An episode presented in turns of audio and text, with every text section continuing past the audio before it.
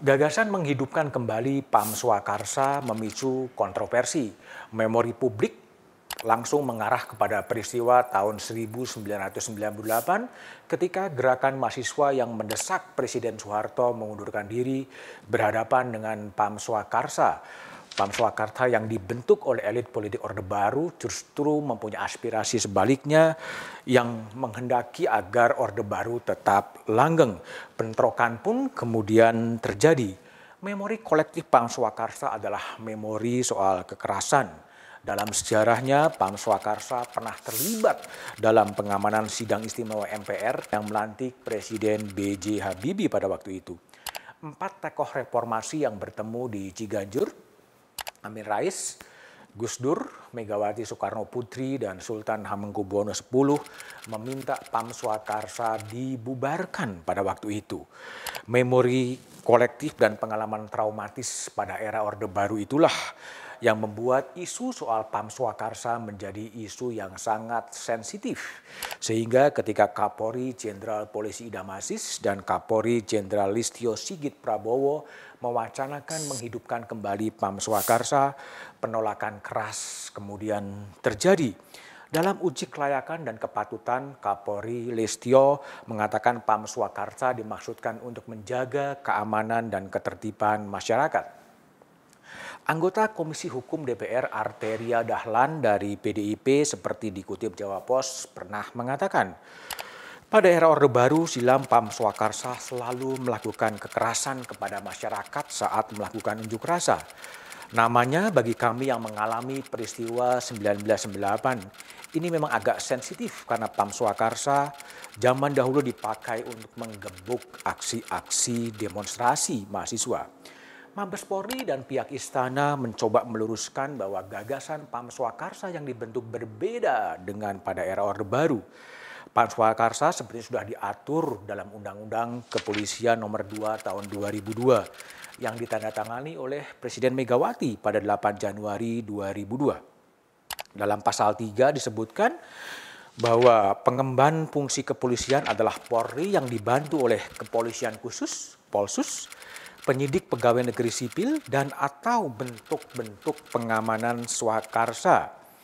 Dalam ayat 2 disebutkan pengemban fungsi kepolisian melaksanakan fungsi kepolisian sesuai dengan peraturan undang-undang yang menjadi dasar hukumnya.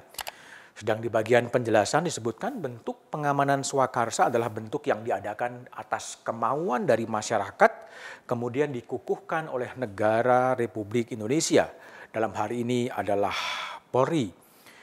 Bentuk pengamanan swakarsa juga memiliki kewenangan terbatas pada wilayah-wilayah tertentu. Ada juga aturan lain yang telah ditandatangani oleh Kapolri Idam Aziz 5 Agustus 2020 soal nomor 4 tahun 2020 soal PAM Swakarsa. Di situ dielaborasi lebih jauh yang dimaksud dengan PAM Swakarsa adalah satuan pengamanan atau Satpam Satuan Keamanan Keliling, dan Pam Swakarsa yang berasal dari peranata sosial, kearifan lokal seperti pecalang di Bali, kelompok sadar keamanan dan ketertiban, siswa Bayangkara, dan mahasiswa Bayangkara. Peraturan Kapolri itu juga mengatur soal satpam.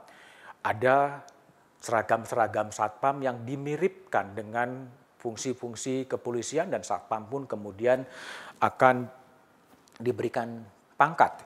Jumlah satpam sekarang mencapai 1,6 juta. Dari dua perspektif itu terasa ada sebuah kesenjangan pemahaman persepsi publik yang mengarah kepada kekerasan pada PAM Swakarsa di tahun 1998 dan secara legalistik yang tertera dalam Undang-Undang Kepolisian maupun Peraturan Kapolri. Dan Peraturan Kapolri itu sebenarnya lebih banyak mengurusi dan menegaskan soal peran satuan pengamanan. Direktur Eksekutif Amnesty Internasional Usman Habib menggugat tidak ada kalimat dalam Undang-Undang Polri yang memberikan kewenangan kepada kepolisian untuk membentuk PAM Swakarsa. Artinya pembentukan PAM Swakarsa hanya bisa terjadi apabila ada keinginan dari masyarakat. Memang muncul pertanyaan-pertanyaan kritis.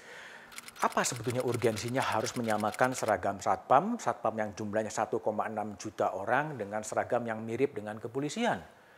Bagaimana dengan penyalahgunaan wewenang dari satpam yang mirip dengan seragam polisi? Pertanyaan kemudian adalah siapa yang kemudian juga akan membiayai pergantian satpam yang jumlahnya mencakup 1,6 juta orang. Pihak Polri menyebut bahwa upaya membuat seragam satpam yang mirip dengan anggota kepolisian itu adalah sudah dikaji lebih matang dan diharapkan ada kedekatan emosional antara kepolisian dan satpam. Gagasan membentuk PAM Swakarsa telah memicu keresahan publik di tengah situasi sekarang ini sebetulnya tidak terlalu terburu-buru untuk merealisir ide PAM Swakarsa karena sentimen soal PAM Swakarsa masih sangat negatif. Ada baiknya diksi soal PAM Swakarsa diganti dengan istilah lain agar tidak membangkitkan trauma kolektif publik soal kekerasan. Mengganti seragam satpam mirip Polri juga perlu dipikirkan kemungkinan terjadinya penyalahgunaan kewenangan dan siapa yang mempunyai beban anggaran. Kapolri Listia tentunya akan mempertimbangkan sentimen publik soal PAM Swakarsa. Ada keyakinan itu karena memang polisi lebih banyak ingin mendengar suara-suara dari publik. Apa pun itu, selamat bertugas Jenderal Listio. Janganlah pernah lelah untuk mencintai Indonesia.